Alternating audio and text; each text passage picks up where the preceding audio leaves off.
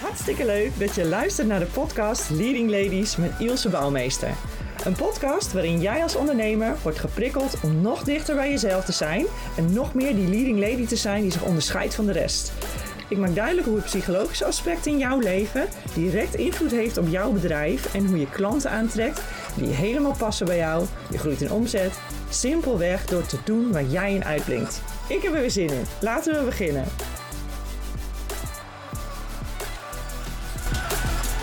Hoi, wat leuk dat je weer luistert naar een nieuwe podcastaflevering van de Leading Ladies. En uh, vandaag wil ik het met je hebben over hoe je opvoeding, dus hoe jij bent opgevoed, hoe dat zich onbewust zijn uitwerking vindt in jouw bedrijf. En nu denk je misschien, hè, opvoeding, ondernemerschap, hoe, hoe bedoel je? Welke link zit daar nou in?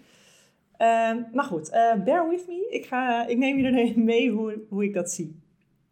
Um, ik denk dat we dan het beste even kunnen beginnen met een stukje ja, wat achtergrond van Jung.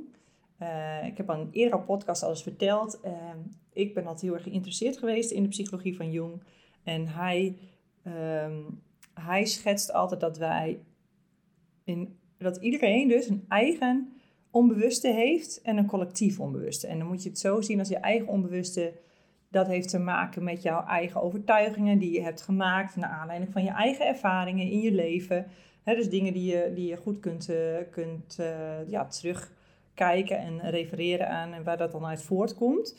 Um, maar ook die kunnen je dus onbewust parten spelen als zich dat uh, een uitwerking heeft. Stel nou dat jij um, toen jij drie was bent gaan leren fietsen en je bent gevallen dan uh, heb je dus misschien daarna wel een beetje een weerstand naar fietsen toe ontwikkeld. Hè? Dus dan kan je op latere leeftijd, noem maar wat, je bent student en je moet naar je college. Uh, dat je dan ineens niet meer op de fiets wil of, of je hebt geen zin om op de fiets te gaan. Je voelt er altijd weerstand in, dus je gaat liever met de bus. Terwijl je eigenlijk wel meer wil bewegen en je denkt, ja, waarom heb ik dat eigenlijk? Nou, dat zijn dan van die onbewuste processen die je naar aanleiding van ervaringen in je eigen leven zich dus zag een, een soort van uitwerking vinden in de keuze die je later maakt. Maar hij zegt dus ook, Jung zegt ook dat, je, uh, dat we allemaal ook te maken hebben met een soort van collectief onbewuste. En dat zijn dan de overtuigingen en uh, gedragingen, uh, patronen, die jij overgedragen hebt gekregen door zeg maar, je voorouders, het voorgeslacht. Dus vanuit je familielijn in die zin. En je kan je dus misschien voorstellen dat je onbewust patronen aangeleerd krijgt van je ouders. Hè? Dus ja, kinderen die doen natuurlijk ook vaak gewoon na. Ze leren vaak door na te doen. En niet voor niks zijn ze vaak een spiegel ook hè, voor je als ouder. Uh, ze laten je zien hoe jij zeg maar, de dingen aanpakt, hoe jij tegen het leven aankijkt. Dus als jij geneigd bent om bijvoorbeeld confrontatie te vermijden en, en wat te gaan pleasen, uh, zullen zij dus ook geneigd zijn dit ook te doen. Want ja, dat is natuurlijk een soort van realiteit gegeven waarmee zij opgroeien. Hè, waarmee zij het idee hebben van, oh, zo, zo gaat dat. Dus ze nemen hem eigenlijk over als zijnde, ja, uh, um, ja, dat is hoe het hoort of dat is hoe het leven gaat. En als jij bijvoorbeeld moeite hebt met geduld, en ik noem maar wat, hè, bijvoorbeeld sneller gaat drammen of, of misschien wat snauwen als het niet snel genoeg gaat, dan zullen zij ook geneigd zijn dit te gaan doen. Hè? Dus dan zullen zij dat, dat, dat die snelheid ook geneigd zijn om dat wat meer te gaan overnemen. Omdat dat, dat is dus een realiteit, dat is een, een norm, zeg maar. En ik sla natuurlijk wel even plat hè, nu, want kinderen worden natuurlijk aan meer blootgesteld dan alleen maar aan jou als ouder. En ze nemen dus ook meer uh, uh, ervaringen mee en, en, en overtuigingen en dergelijke. Maar als ouder ben je natuurlijk wel de primaire opvoeder en zullen ze dus ook het meest van jou daarin overnemen. En eh, ook jij hebt dus onbewuste patronen overgenomen die je eigen hebt gemaakt in jouw leven. En uh, ja, die je op bepaalde manieren hebben gediend. Misschien soms nog wel, maar soms, ja, sommige ook weer niet. En gelukkig is ook niet alles bewust, want dat zou ons brein ook echt helemaal niet trekken. Stel je voor dat je elke keer bewust moet ademhalen of bewust je hart moet laten kloppen en dat je bewust moet lopen, dan heb je ook natuurlijk geen enkele headspace meer over voor andere dingen. Laat staan onbewuste patronen ontdekken. Dus nou, dat is wel, uh, wel helder, denk ik. Maar goed, als jij als kind uh, bijvoorbeeld heel veel alleen hebt moeten doen, omdat jij de oudste was en jij verantwoordelijk en, en zelfredzaam moest zijn, ja, dan is het een soort van way of living geworden, die je waarschijnlijk als volwassene ook nog volgt. Want het zorgt ervoor dat je makkelijk dingen oplost, dat je stevig in je schoenen staat. Maar ja, het zorgt er ja, wellicht ook wel voor dat jij je niet, niet prettig voelt bij uh, een mate van afhankelijk zijn of, uh, of kwetsbaar zijn in een relatie, waardoor, ja, waardoor dus een valkuil is. Um, dat je je mannelijke kant sterk ontwikkelt. Dus hè, vooral sterk zijn, oplossingen bedenken, regelen, organiseren, hè, dat soort zaken.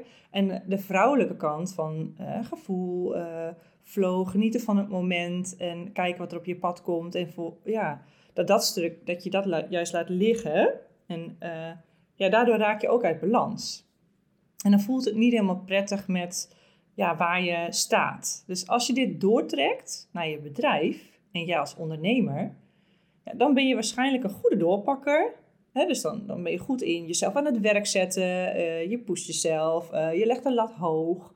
Maar je vindt het ook moeilijk om je te ontspannen, te vertrouwen op je gevoel. Hè? Ik, ik vind het altijd wel grappig, zeg altijd natuurlijk meten is weten.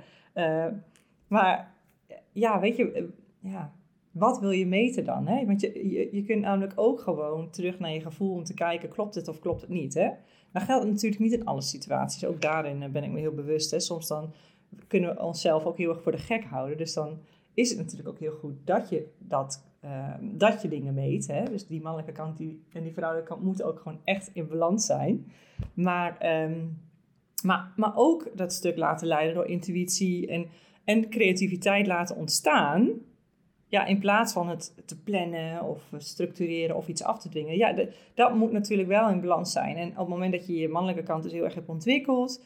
Uh, in, in eh, het, het regelen, het overzien, uh, het structureren, het rationaliseren, het nadenken erover...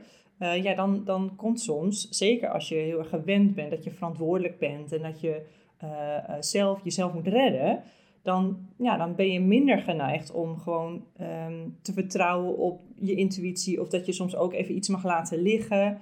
Um, hè, dus dan kun je wat minder in het moment misschien meegaan. Hè? Dus ja, misschien ben je daardoor ook wel niet helemaal happy dan.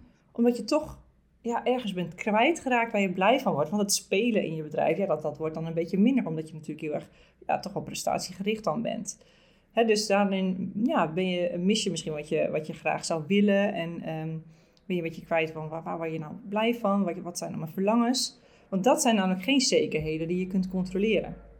En zo zie je dan dus dat, dat die vroege verantwoordelijkheid als klein kind, ja, misschien heeft hij je die wel overweldigd.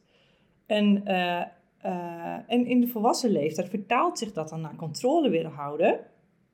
Uh, omdat je natuurlijk niet dat over die overweldiging wil. dus in plaats van vertrouwen hebben in, dat wat zich ook aandient dat je daar iets, dat je daar iets mee kunt.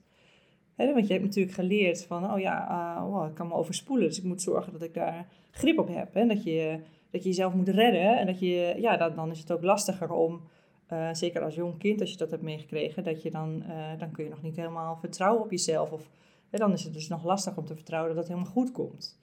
Uh, dus dan ga je meer in die controle zitten, zodat het voorspelbaar is wat er gaat gebeuren. En ja, dat je dan zeker weet dat je dan dat je die overspoeling, dat dat niet gaat gebeuren, zeg maar. En ja, weet je, nu heb ik natuurlijk zo één elementje eruit gepikt. En dat vertaalt zo even naar verschillende situaties. Maar zo zijn er natuurlijk dus meer, hè. Ook wat ja, wat, wat meer eh, gangbare eh, dingen die, waar, waar veel mensen mee, mee rondlopen, is bijvoorbeeld de belemmerende overtuiging, zoals dat je hard moet werken voor je geld. Hè? Dat is echt wel een bekende die veel mensen wel herkennen. En als jij je ouders altijd hard hebt zien werken, dan heb je daar zelf ook een conclusie aan verbonden.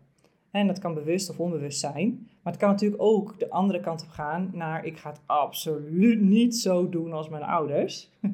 En dat is dan een bewuste keuze en niet meer onbewust, omdat je dan daarvan een uitwerking hebt gezien waarvan je denkt, ja, dat wil ik dus echt niet. Dus ga ik kosten wat het kost voorkomen dat ik dat zo doe. Um, maar er zit ook een andere kant aan. Ook daar zit dan weer een schaduwkant aan. Want als je heel erg in de tegenpol gaat zitten, dan wijs je eigenlijk ook iets af. En dit laatste, ja, dat is dan toch vaak alweer onbewust. Waardoor je misschien op latere leeftijd denkt, goh, misschien ook wel streng voor mijn ouders. Want er zit misschien, ik snap misschien nu ook wel waarom ze de dingen zo hebben gedaan.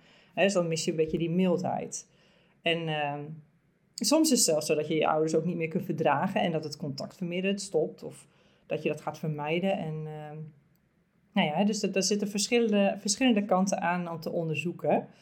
Um, nou, en mijn uitnodiging is dan ook vaak, ja, ga er naartoe. Ga dus naar dat nare, oncomfortabele gevoel toe Ehm, want daar ligt vaak je goud.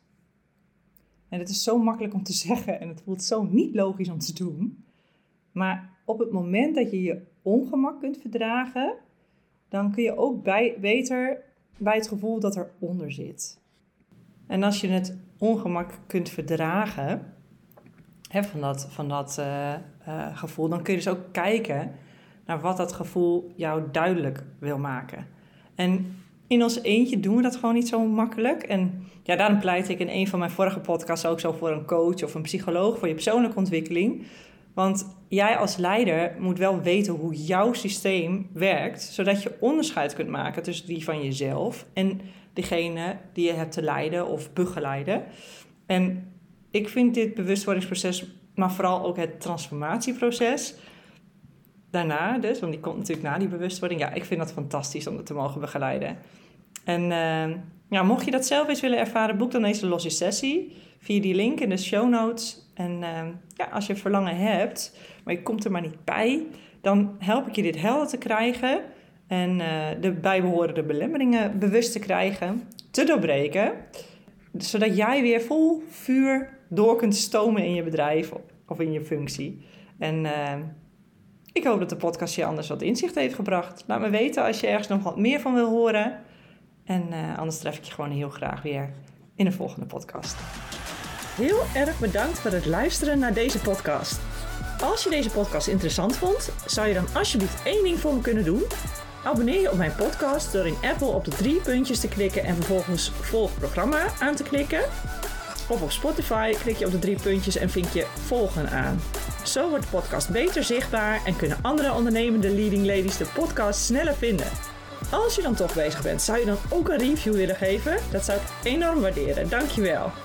Als je wilt reageren op de podcast, zoek me dan even op op LinkedIn en stuur me een berichtje. Daar ben ik het meest actief. Het is nogal eenzijdig zenden als uh, podcastmaker, dus berichtjes ontvangen vind ik erg fijn.